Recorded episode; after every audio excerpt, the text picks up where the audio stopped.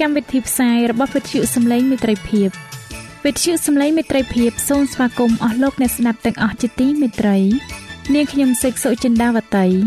ហើយខ្ញុំបាទអង្គច័ន្ទវិជ្ជៈក៏សូមស្វាគមន៍លោកអ្នកស្ដាប់ទាំងអស់ផងដែរនៅពេលនេះយើងខ្ញុំមានសេចក្តីសុំមនស្សរីករាយដែលបានវិលមកជួបអស់លោកអ្នកនាងកញ្ញាអ្នកស្ដាប់សាជាថ្មីម្ដងទៀត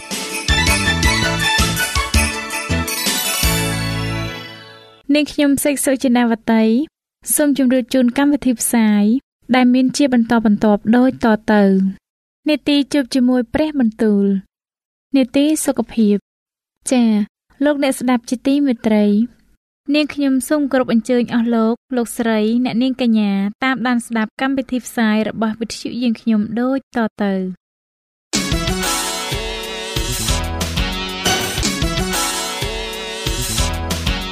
នេតិ ជួបជាមួយព្រះបន្ទូល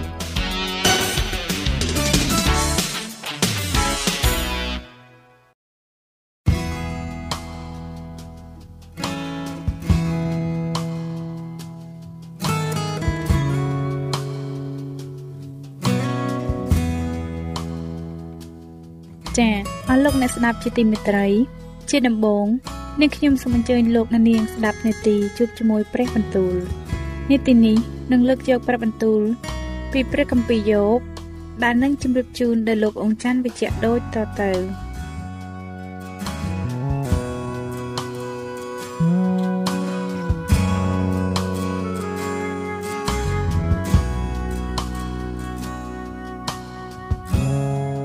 ព្រះគម្ពីរយោបជំពូកទី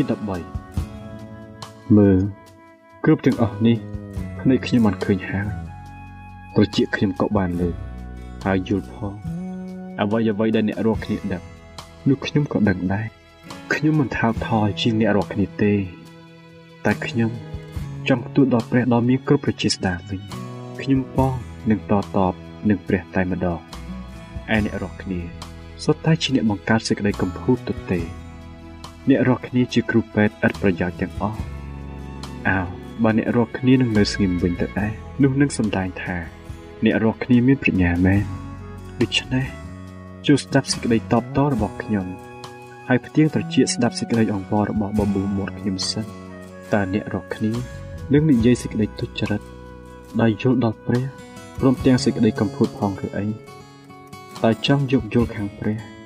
ហើយតាំងខ្លួនជាអ្នកកាន់ក្តីចំនួនត្រង់ឬអ្នករកគ្នា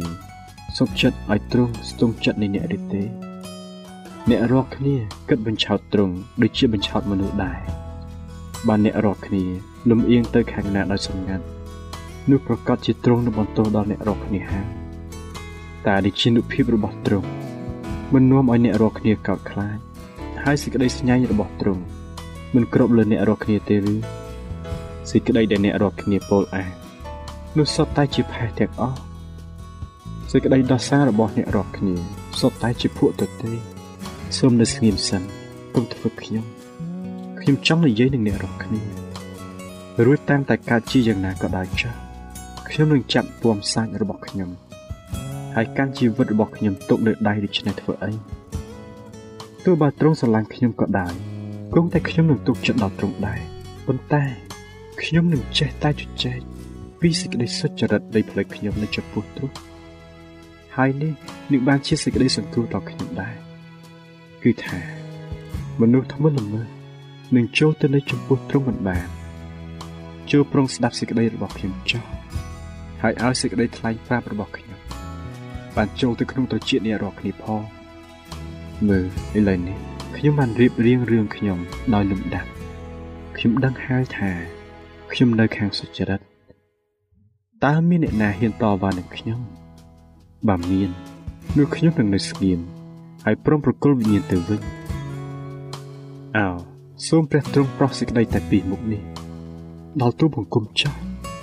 នោះទូបង្គំនឹងមិនលាក់ខ្លួនពីព្រះភ័ក្រទ្រង់ឡើយគឺសូមទ្រង់ដកព្រះហស្ថឲ្យឆ្ងាយពីទូបង្គំចេញ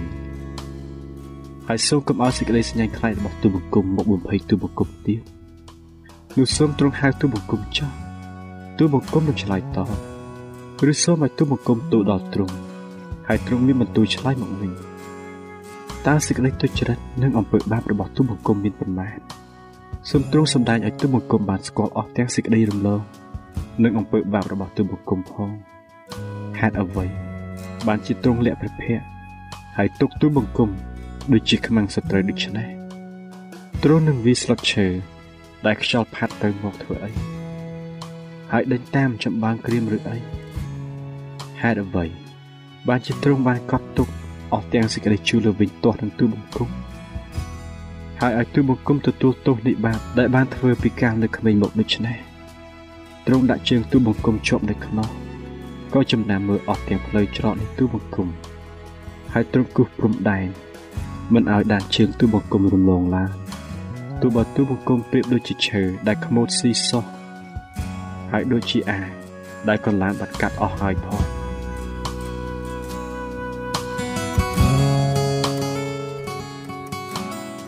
ព្រះគម្ពីរយោបជំពូកទី14មនុស្សដែលកើតពីស្រីមកសុទ្ធតែមានអាយុខ្លីទាំងអស់ហើយក៏មានសេចក្តីលំបាកជានិច្ចផងគេចេញមកដូចជាផ្កាឬត្រូវកាប់បាត់ទៅគេរួញថយបាត់ទៅដូចជាស្រមោលឥតនៅស្ថិតស្ថេរឡើយតែត្រង់បើព្រះនេតតូចមកលើមនុស្សបែបយ៉ាងដូចទូបង្គំនេះនឹងកោះនាំទូបង្គំទៅជាគូក្តីនឹងទ្រង់ឬតើអ្នកណាអាចនឹងដកយករបស់ស្អាត ចេញពីរបស់ស្មុគគ្រប់បានគ្មានអ្នកណាធ្វើបានឡើយបើថ្ងៃអាយុរបស់មនុស្សនោះបានកំណត់ស្រេចហើយចំនួនអស់ទាំងខែនៃជីវិតរបស់គេបានកត់នៅនឹងទ្រង់បាទទ្រង់បានតម្រូវព្រំខណ្ឌរបស់គេមិនឲ្យគេរំលងហួសឡើយនោះសូមទ្រង់បានប្រភ័ក្រចេញពីគេទៅដើម្បីឲ្យគេបានឈប់សម្រាកចោលគឺបែរចេញតារាដល់គេបានសម្រេចពេលកំណត់ដូចជាជាងឈ្នួលត្បិតបើដើមឈើត្រូវកាប់រំលំទៅ នោះមានសង្ឃឹមថានឹងពន្លកឡើងទៀតហើយថានឹងមិនខានមានមេខ្ចីទៀតឡើយហើយទោះបើរឹសក្រៀមទៅហើយគល់ងាប់នៅក្នុងដីគង់តែនឹងពេចឡើងដោយធំក្លិនទឹក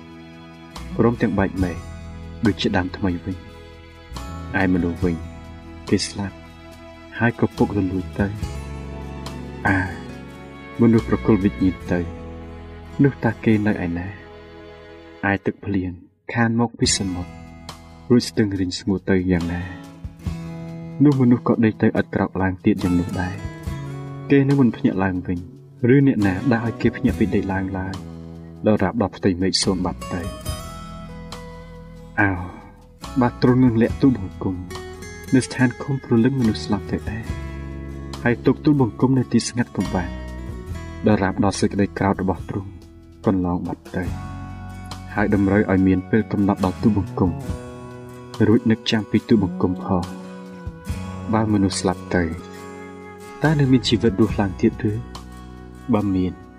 នោះទូបង្គំនឹងរងចាំអស់រវាងសង្គ្រាមវេទនារបស់ទូបង្គំដល់រាប់ដល់កំណត់ដែលទូបង្គំបានរអិលចេញទៅនោះទ្រង់នឹងហៅឲ្យទូបង្គំនឹងទូលតប ហើយទ្រង់នឹងមានបំណងព្រះハរតីដល់ស្នាដៃដែលទ្រង់បានធ្វើតែសប្តាហ៍ថ្ងៃនេះទ្រង់រាប់អស់ទាំងជំហានទូបង្គំវិញតែទ្រង់មិនត្រួតមើលអស់ទាំងអំពើបាបរបស់ទូបង្គំផងទេឬអីសេចក្តីរំលងរបស់ទូបង្គំបានខ្ទប់បត្រាទុកហើយទុកបិទភ្ជាប់អំពើអាក្រក់របស់ទូបង្គំផងឯភ្នំដែលរលួសបាក់ចោលនោះត្រូវខ្ទេចខ្ទីហើយថ្មត្រូវខ្ចាត់ចេញពីកន្លែងទៅ ឯទឹកក៏ហូបបន្សឹកថ្ម ហើយចំនួនក៏ហូរចម្រោះដីគឺយ៉ាងនោះដែលទ្រង់បំផ្លាញសេចក្តីសង្ឃឹមរបស់មនុស្សទៅទ្រង់កំរាបគេជាតារារួចគេបាត់ទៅទ្រង់បំផ្លាស់បំប្រែភាពរបស់គេ ហើយកំចាត់គេចេញទៅ កូនចៅរបស់គេ មានកិត្តិយសឡើងតែគេមិនដឹងទេ វាត្រូវបន្ទាបចោះតែគេមិនសង្កត់ដឹងអ្វីសោះ គេដឹងឈឺតែចំពោះខ្លួនគេ ហើយមានសេចក្តីទុក្ខព្រួយ តែចំពោះចិត្តខ្លួនប៉ុណ្ណោះព្រះគម្ពីរយោបជំពូកទី15នោះអេលីផាសាសធីម៉ានក៏ឆ្លើយឡើងថាតើគួរឲ្យអ្នកប្រាជ្ញឆ្លើយដោយសេចក្តីចិត្តដឹងអាសាឥតការឬបំពេញចិត្តដោយខ្យល់ពីខាងកើតទេតើគួរនឹងជជែកដោយសម្ដីឥតប្រយោជន៍ឬដោយពាក្យអធិប្បាយ ដែលបង្កើតសេចក្តីល្អមិនបានឬអីអើអ្នកបំផ្លាញសេចក្តីកោតខ្លាចដល់ព្រះ ហើយខាត់ខាំងសេចក្តីនឹកចិញ្ចឹមនៅចំពោះព្រះផងត្បិតសេចក្តីអាក្រក់របស់អ្នកបញ្ចេះឲ្យមាត់អ្នកនិយាយចេញមកហើយអ្នកប្រើពាក្យសម្ដីរបស់មនុស្សអបាយអាក្រក់គឺមាត់របស់អ្នកដែលកាត់ទោសដល់ខ្លួនហើយមិនមែនជាខ្ញុំទេអាបើបូរមាត់របស់អ្នកធ្វើបន្ទាល់ទោសនឹងខ្លួនអ្នក តើអ្នកជាមនុស្សមុនដំបូងដែលកើតមកឬតើអ្នកបានលេចមកមុនអស់ទាំងភ្នំដែរឬតើអ្នកបានលើសេចក្តីប្រឹក្សាដល់កំបាំងរបស់ព្រះឬតើអ្នកស្មានថាមានតែខ្លួនអ្នកមួយទេដែលមានប្រាជ្ញាឬអីតើអ្នកចេះអ្វីដែលពួកយើងមិនចេះដែរឬយល់អ្វីដែលពួកយើងមិនបានយល់ផងនោះខាងយើងមានទាំងមនុស្សក្បាលស្កៃនិងមនុស្សអាយុច្រើនដែលចាស់ជាងឪពុកអ្នកទៅទៀត តើអ្នករាប់សេចក្តីកំសាន្តរបស់ព្រះថាមិនគ្រាន់ដល់អ្នកព្រមទាំងសេចក្តីដែលទ្រង់មានបន្ទូលមកអ្នកដោយផ្អែកពីរូបផងឬអីហេតុអ្វីបានជាអ្នកបណ្ដោយទៅតាមចិត្តហើយមិនភ្នែកដូច្នេះហេតុអ្វីបានជាអ្នកបំបាយចិត្តទៅទាស់នឹងព្រះហើយបណ្ដោយឲ្យមាត់ពោសេចក្តីយ៉ាងនេះចេញមកតើមនុស្សជាអ្វីដែលនឹងត្រូវបានបរិសុទ្ធ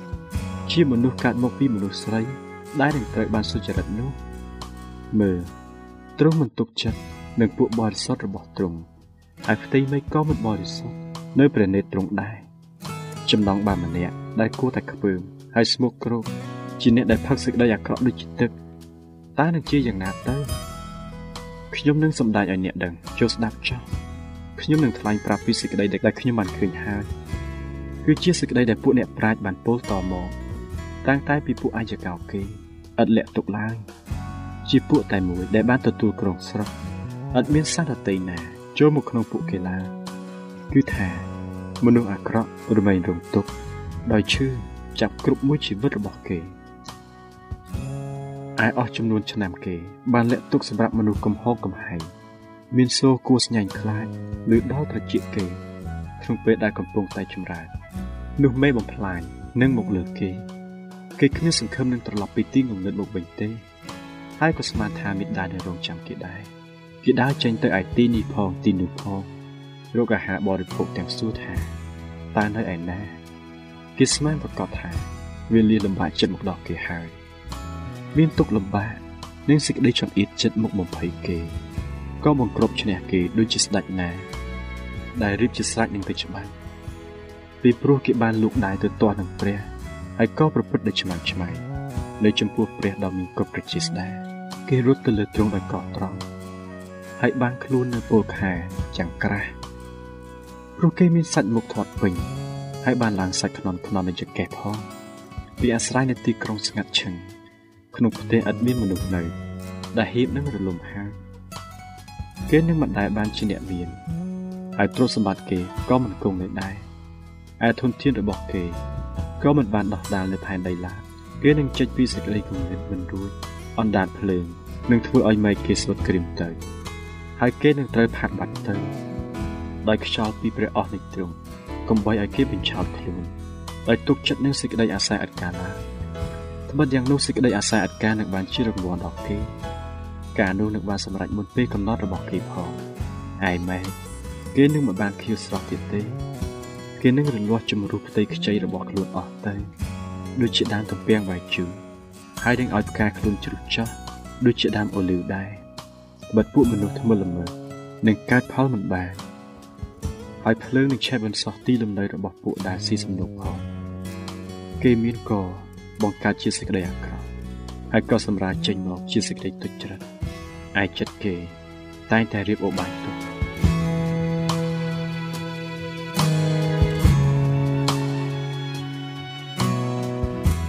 ចា៎ប្រិយមិត្តអ្នកស្ដាប់ជាទីមេត្រី ដោយពេលវេលាមានកំណត់ យើងខ្ញុំសូមផ្អាកនាទីជប់ជាមួយព្រះបន្ទូលនេះត្រឹមតែប៉ុណ្ណេះសិនចុះដោយសន្យាថានឹងលើកយកនីតិនេះមកជម្រាបជូនជាបន្តទៀតនៅថ្ងៃស្អែកសូមអរគុណ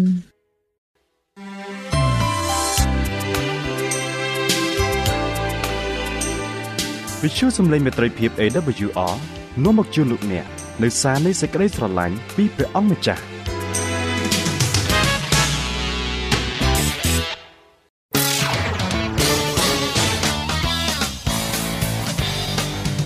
សូមជូននីតិសុខភាព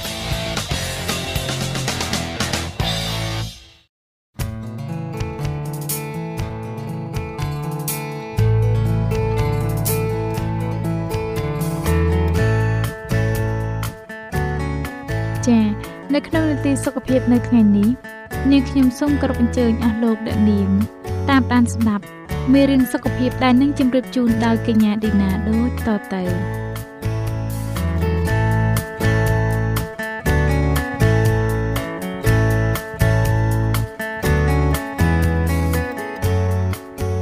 ចា៎នាងខ្ញុំឌីណាសូមជម្រាបសួរដល់លោកអ្នកស្ដាប់ជាទីមេត្រីសូមឲ្យលោកអ្នកបានប្រកបដោយប្រគុណ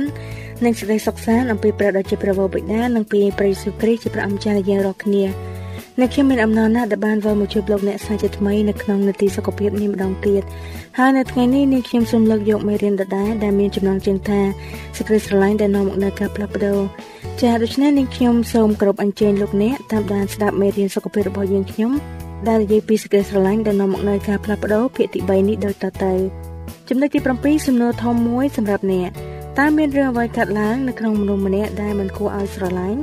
ដែលប្រហែលជាមនុស្សគំរោះគំរើយហើយមួម៉ៅក្តារក្រហាយច្រើនធ្វើឲ្យអ្នកដតីឈឺចាប់ជាញឹកញាប់ជាមនុស្សចូលចិត្តឆ្លោះប្រកែកជាមនុស្សដឹងគ្រប់រឿងនិយាយរួមតើមានរឿងអ្វីកើតឡើងនៅពេលមនុស្សប្រភេទនេះឆ្លើយតបទៅនឹងសេចក្តីស្រឡាញ់ប្រភេទអាកាពេជាសេចក្តីស្រឡាញ់គ្មានលក្ខខណ្ឌនោះ ការផ្លាស់ប្ដូរដ៏គួរឲ្យកត់សម្គាល់មួយនឹងកើតមានឡើងពួកគេនឹងបែរត្រឡប់ក្រោយហើយចាប់ផ្ដើមដំណើរថ្មីដែលប្រកបដោយព្រលឹងវិញ្ញាណវិញបើសិនជាភ្នែករបស់យើងអាចបើកចំហវិញម្ល៉េះយើងនឹងមើលឃើញទេវតាសួគ៌កំពុងកែប្រែបុគ្គលនេះហើយការវិវត្តខាងព្រលឹងវិញ្ញាណក៏កំពុងកើតឡើងដែរប្រៀបដូចជាដង្កូវប្រែក្លាយទៅជាដុកដឿរួចហើយក្លាយទៅជាមេអំបៅដ៏ស្រស់ស្អាតមួយអញ្ចឹង គឺជាមនុស្សថ្មីម្នាក់ដែលមានពោពេញដោយសេចក្តីស្រឡាញ់ចេញពីបុគ្គលចាស់ចំណុចទី8សេចក្តីអធិដ្ឋានដ៏សំខាន់តើនឹងមានរឿងអ្វីកើតឡើងនៅពេលដែលយើងចាប់ផ្ដើមអធិដ្ឋានសូមឲ្យព្រះជាម្ចាស់ប្រព្រឹត្តល្អចំពោះបុគ្គលដែលស្អប់យើងមើងងាយយើងនឹងធ្វើទុកបុកម្នេញយើងនោះតើអ្នកគិតថានៅពេលយើងអធិដ្ឋានសម្រាប់មនុស្សដែលធ្វើឲ្យយើងជឿចាប់វាជួយកែប្រែអរិយាប័ត្ររបស់យើងចំពោះពួកគេដែរទេ តើយើងអាចសាព្រោះអរិយាប័ត្រសំរុំចំពោះអ្នកដែលយើងសំតែដាក់បណ្ដាសាជាងឲ្យពោនោះដោយវិធីណាតើអ្នកធ្លាប់មានបទពិសោធន៍យ៉ាងណាខ្លះតើវាមានតម្លៃសមឲ្យយើងសាកល្បងឬទេការអស្ចារ្យនៃសេចក្តីស្រឡាញ់នឹងកើតមានឡើងតាមរយៈការអធិដ្ឋានការអត់ទោសការប្រព្រឹត្តសប្បុរសហើយនឹងអរិយាប័ត្រដែលប្រកបដោយសេចក្តីស្រឡាញ់ចំណុចទី9សេចក្តីស្រឡាញ់ស៊ូទ្រាំនឹងការជិះចាប់ តែយើងយកកលការព្រះគម្ពីរមកអនុវត្តនៅក្នុងជីវិតរបស់យើងក្នុងផ្ទះរបស់យើងជាមួយសាច់ញាតិរបស់យើងនិយោជិតរបស់យើងបានល្អប៉ុណ្ណានៅពេលគេប្រព្រឹត្តបែបមិនយុត្តិធម៌ចំពោះយើងនោះនៅក្នុងជំពូកនៃសេចក្តីស្រឡាញ់នៃព្រះគម្ពីរបានលើកទឹកចិត្តយើងថាឯសេចក្តីស្រឡាញ់តែងតែអត់ធ្មត់ហើយក៏សប្បុរសសេចក្តីស្រឡាញ់មិនចេះឈ្នានីសគឺអសប្បាយតែនឹងសេចក្តីស្មោះត្រង់វិញក៏គ្រប់បានទាំងអស់ជឿទាំងអស់សង្ឃឹមទាំងអស់ហើយទ្រាំទ្រទាំងអស់រីឯការអធិប្បាយ នោះនឹងត្រូវបាត់ទៅ ការនិយាយភាសាដតីនឹងត្រូវឈប់ហើយចំណេះក៏ត្រូវសាបសូន្យទៅដែរតែឯសេចក្តីស្រឡាញ់មិនដែលផុតឡើយសាក់គិតទៅមើលថាវាមានអត្តពលប៉ុណ្ណាបើយើងអាចយកកការស្រឡាញ់គ្មានលក្ខខណ្ឌគ្រប់ស្ថានភាពនេះមកអនុវត្តនៅក្នុងគ្រួសាររបស់យើងនិងអ្នកដទៃនោះតើអ្នកត្រៀមខ្លួនដើម្បីពិសោធន៍សេចក្តីស្រឡាញ់មួយនេះហើយឬនៅ ចូលរើសយកនរណាម្នាក់ដែលអ្នកមិនសូវចូលចិត្តនៅក្នុងជីវិតរបស់អ្នកហើយចាប់ផ្ដើមធ្វើរឿងល្អៗចំពោះបុគ្គលនោះតែការបង្ហាញសេចក្តីស្រឡាញ់ដោយចំណាយពេលវេលាឬលុយកាក់ផងប្រសិនបើចាំបាច់រួចចាំសង្កេតមើលថាមានអ្វីនឹងកើតឡើងក៏ត្រាលទ្ធផលសម្រាប់ខ្លួនអ្នកຕົកជាការរំលឹកមួយថាព្រះនិងសេចក្តីស្រឡាញ់អាចកែប្រែមនុស្សនិងក្លាក់ស័កបានឥឡូវនេះបន្តឈានមួយជំហានទៀត តើព្រះគម្ពីរសរសេរអំពីសេចក្តីស្រឡាញ់យ៉ាងដូចម្តេចនៅក្នុងសារដែលព្រះប្រទាននៅលើភ្នំនៃប្រពោត្រូវស្រឡាញ់ពួកខ្មាំងសត្រូវត្រូវឲ្យពរដល់អ្នកណាដែលប្រតិបត្តិប្រាសាត្រូវប្រព្រឹត្តល្អនឹងអ្នកណាដែលស្អប់អ្នករកគ្នាហើយត្រូវអធិដ្ឋានឲ្យអ្នកណាដែលធ្វើទុកបៀតបៀនដល់អ្នករកគ្នាវិញបើជាញឹកញាប់យើងមានការពិបាកស្រឡាញ់មិត្តភ័ក្តិរបស់យើងទៅហើយចុះតើកាន់តែពិបាកប៉ុណ្ណាទៅទៀតដែលត្រូវស្រឡាញ់សត្រូវរបស់យើងនោះ តើប្រជាម្ចាស់ទ្រង់មានប្រាប់បន្ទូលមកកាន់អ្នកយ៉ាងដូចម្ដេចអំពីកលការនៃសេចក្តីស្រឡាញ់បើសិនយើងវឹកហាត់អត់ទោសឲ្យសត្រូវរបស់យើងឥឡូវនេះតើនោះនឹងមិនរៀបចំខ្លួនយើងសម្រាប់ពេលអនាគតឲ្យស្រឡាញ់និងអត់ទោសដល់អ្នកដែលបៀតបៀនយើងហើយនឹងប្រព្រឹត្តការអាក្រក់ប្រឆាំងនឹងយើងទេឬអីរឿងសេចក្តីស្រឡាញ់នេះពិតជាលំបាកសម្រាប់យើងមែនតើយើងអាចនឹងស្រឡាញ់អ្នកដែលធ្វើឲ្យយើងឈឺចាប់បានយ៉ាងដូចម្ដេចនឹងកើតទៅអ្នកត្រូវគេសម្លាប់ និងអ្នកទោសជាច្រើនត្រូវបានជាប់ឃុំឃាំងដោយសារជំនឿរបស់ពួកគេសុទ្ធតែមានសេចក្តីស្រឡាញ់បែបនោះអាចមានសត្រូវខ្លះក្នុងជីវិតបច្ចុប្បន្ននេះដែលស្អប់យើងធ្វើទុកឬមើងងាយយើងហើយសាហាវខុសខើមើលទៅពួកគេទំនងជាមានសេចក្តីត្រេកត្រអាលដោយការរំលោភបំពានវិនិច្ឆ័យទោសរិះគន់និងធ្វើឲ្យអ្នកឈឺចុកចាប់ក្នុងចិត្តអ្នកទាំងនោះអាចជាមនុស្សក្នុងគ្រួសាររបស់យើងឬក្រៅគ្រួសារអាចជាមនុស្សក្នុងព្រះវិហារ សត្រូវនយោបាយឬជាអ្នកដែលប្រឆាំងជាមួយនឹងជំនឿសាសនារបស់យើងតើយើងដោះស្រាយបញ្ហានេះដោយវិធីណា ចានៅពេលយើងអធិដ្ឋានសូមប្រគុណរបស់ទ្រង់នោះព្រះអង្គនឹងជួយចំណុចទី10និយាយពីលោក Enrico បង្ហាញសេចក្តីស្រឡាញ់ដល់អ្នកដែលបៀតបៀនដល់គាត់លោក Enrico ត្រូវជាប់ឃុំឃាំងដោយពួក Gestapo ក្នុងកំឡុងសង្គ្រាមលោកលើកទី2 នៅទិវាគ្រិស្តមាសឆ្នាំ1944អ្នកមើលការខុសត្រូវជំរុំបានហៅគាត់ឲ្យទៅមើលអាហារដ៏មានអជារសដែលគាត់បានដាក់រៀបលើតុរបស់គាត់ហើយក៏ប្រាប់ទៅ Enrico ដោយសំណើចក្អាក់ក្អាយថាអាហារទាំងនោះគឺជាភរិយារបស់ Enrico បានផ្ញើមកឲ្យ Enrico គេនិយាយថាប្រពន្ធឯងពិតជាចុងភៅដល់ចំណានមែននាងបានផ្ញើអាហារមកឲ្យឯងជារៀងរាល់ថ្ងៃអ្នកមើលការខុសត្រូវចម្រុំបាននិយាយចំអកទៀតថាហើយយ៉ាងសប្បាយស៊ីណាស់ ចាលោក Enrico ស្គមរិញរៃព្រមទាំងស្រីក្លៀនណាស់ប៉ុន្តែក៏តបថាខ្ញុំសង្ឃឹមថាលោកនឹងសប្បាយនឹងអាហារពេលល្ងាចនាពេលគ្រីស្មាស់នេះពីព្រោះខ្ញុំស្រឡាញ់លោកសង្គ្រាមបានបញ្ចប់ហើយលោក Enrico ត្រូវបានដោះលែងពេលឆ្នាំក្រោយមកគាត់បានជាមានសាច់មានឈាមឡើងវិញហើយបានសម្រេចចិត្តនាំភរិយារបស់គាត់ធ្លាប់ទៅលេងក្រុងដែលគាត់ធ្លាប់ជាប់គុំឃាំងវិញ គេទាំងបាន ទៅទិញអាហារពីផ្សារហើយភរិយារបស់គាត់បានរកកន្លែងចម្អិនអាហារដ៏ឆ្ងាញ់ពិសាមួយពួកគេរកផ្ទះអតីតអ្នកគ្រប់គ្រងជំរុំឃើញហើយក៏គោះទ្វារដោយនាំយកអាហារឆ្ងាញ់ឆ្ងាញ់ពីកន្ត្រកទៅជាមួយផងដបងអ្នកគ្រប់គ្រងគុកមិនចំណាំគាត់ទេប៉ុន្តែលោក Enrico បានរំលឹកគាត់ថានៅទិវាគ្រិស្មាសពីឆ្នាំមុនខ្ញុំបានមកអគាររបស់លោកនៅក្នុងគុកខ្ញុំបានប្រាប់លោកថាខ្ញុំស្រឡាញ់លោកអ្នកគ្រប់គ្រងគុកមានអាការៈស្លេកស្លាំងហើយបានភ័យរួញខ្លួន លោក Enrico ក៏ស្ដីឡើងវិញថាកុំភ័យអីភរិយារបស់ខ្ញុំគឺជាចុងភៅចំណានហើយពួកខ្ញុំត្រឡប់មកវិញដើម្បីបរិភោគអាហារដ៏ឆ្ងាញ់នេះជាមួយនឹងលោកទាំងភាពស្រឡាំងកាំងនិងក្រវីក្បាលដោយការមិនគួរឲ្យជឿនឹងមនុស្សដែលសុខចិត្តធ្វើការល្អស្នងការអាក្រក់ឆ្នាំគុកនោះក៏អញ្ជើញពួកគេចូលផ្ទះហើយបានទទួលលាងអាហារជាមួយគ្នាមុននឹងការសួរសុខទុក្ខចាប់ទៅឆ្មាំគុកបានលុតជង្គង់ហើយទីបំផុត គាត់បានរកឃើញព្រះយេស៊ូវជាព្រះអង្គសង្គ្រោះរបស់គាត់នោះគឺជាការអត់ទោសតើការនោះឬជាអ្វីដែលព្រះយេស៊ូវទ្រង់ចង់មានបន្ទូលនៅពេលព្រះអង្គមានព្រះបន្ទូលថាត្រូវស្រឡាញ់ពួកខ្មាស់សត្រូវត្រូវប្រព្រឹត្តល្អនឹងអ្នកណាដែលស្អប់អ្នករាល់គ្នាចំណុចទី11ជំហានឆ្ពោះទៅរកការរៀនស្រឡាញ់តើធ្វើដូចម្តេចទើបយើងអាចរៀនធ្វើជាគំរូខាងឯសេចក្តីស្រឡាញ់ផ្ទាល់ខ្លួនតើលំអានដែលព្រះយេស៊ូវទ្រង់ប្រទានឲ្យមកបានយើងពិចារណាគ្មានកំណត់ចេះកែប្រែរបៀបស្រឡាញ់របស់យើងទេ យើងសឹងតែមិនដឹងថាត្រូវចាប់ផ្ដើមពីកន្លែងណាផងស្ត្រីម្នាក់នៅពេលបានអានអំពីការស្រឡាញ់អ្នកដទៃតាមវិធីរបស់ព្រះជាម្ចាស់បានសារភាពថាខ្ញុំមិនអាចស្រឡាញ់ដោយដែលព្រះជាម្ចាស់ស្រឡាញ់នោះទេគ្មានផ្លូវទេមានមនុស្សខ្លះដែលខ្ញុំពិតជាមិនចូលចិត្តសោះដូចជាសារ៉ាបងស្រីដែលការចំពោះខ្ញុំជាដើមតើខ្ញុំត្រូវស្រឡាញ់គាត់ឬព្រះយេស៊ូវមានប្រាប់បន្ទូលតបថាខ្ញុំត្រូវតែស្រឡាញ់សារក៏ជ្រាបចូលទៅក្នុងចិត្តស្ត្រីនោះ ដោយដឹងថាព្រះជាម្ចាស់ទ្រង់ចង់ឲ្យនាងក្លាយជាបុគ្គលដែលប្រកបដោយសេចក្តីស្រឡាញ់នាងក៏សម្រេចចិត្តថា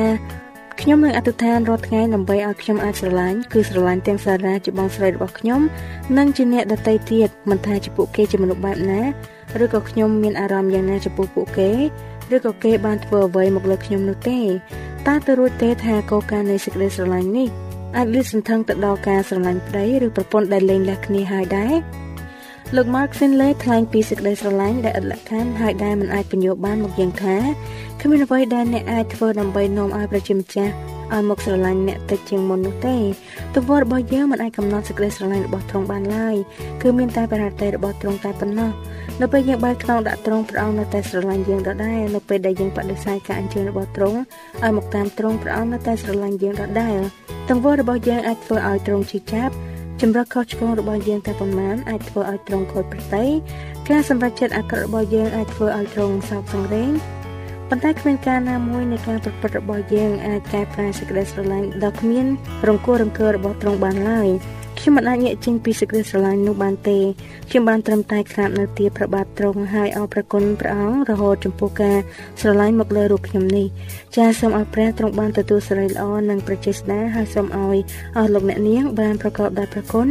និងសេចក្តីសុខសាន្តអំពីព្រះដ៏ជាព្រះបិតានិងពីព្រះយេស៊ូវគ្រីស្ទជាព្រះអម្ចាស់នៃយើងរាល់គ្នាអាមែន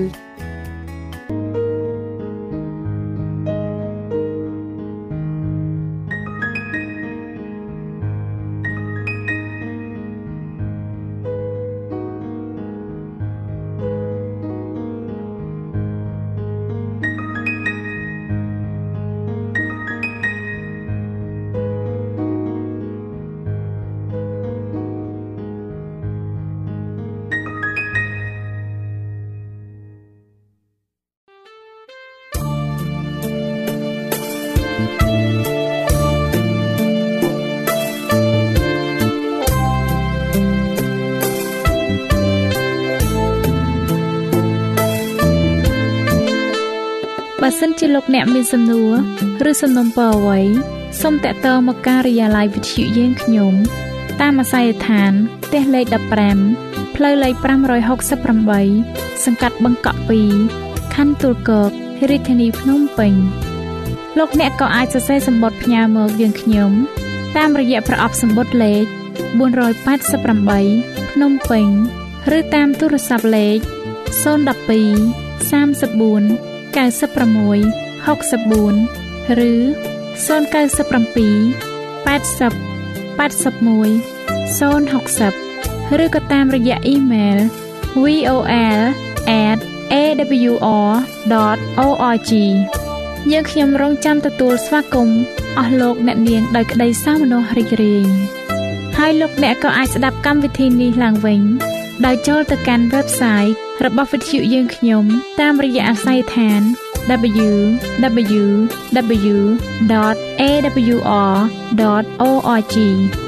លោកអ្នកនាងកញ្ញាជាទីមេត្រី កម្មវិធីផ្សាយរបស់វិទ្យុសំឡេងមេត្រីភាពនៅពេលនេះសូមបញ្ចប់តែប៉ុណ្ណេះយើងខ្ញុំសូមអរគុណចំពោះការតាមដានស្ដាប់របស់អស់លោកអ្នកតាំងពីដើមរហូតដល់ចប់យើងខ្ញុំសូមជូនពរឲ្យអស់លោកអ្នកនាងកញ្ញាទាំងអស់បានចម្រើនឡើងក្នុងព្រះគុណព្រះអង្គម្ចាស់ ហើយក្នុងការទទួលយកព្រះយេស៊ូវគ្រីស្ទជាព្រះអង្គម្ចាស់និងជាព្រះអង្គសង្គ្រោះនៃយើងរាល់គ្នានាទីផ្សាយរបស់វិទ្យុយើងខ្ញុំនឹងវិលមកជួបអស់លោកអ្នកសាជាថ្មីម្ដងទៀតនៅថ្ងៃស្អែកវេលាម៉ោងដដែលនាងខ្ញុំសេកសុចិន្តាវតីនិងខ្ញុំបាទអ៊ំច័ន្ទវិជ្ជៈសូមអរគុណសូមជម្រាបលា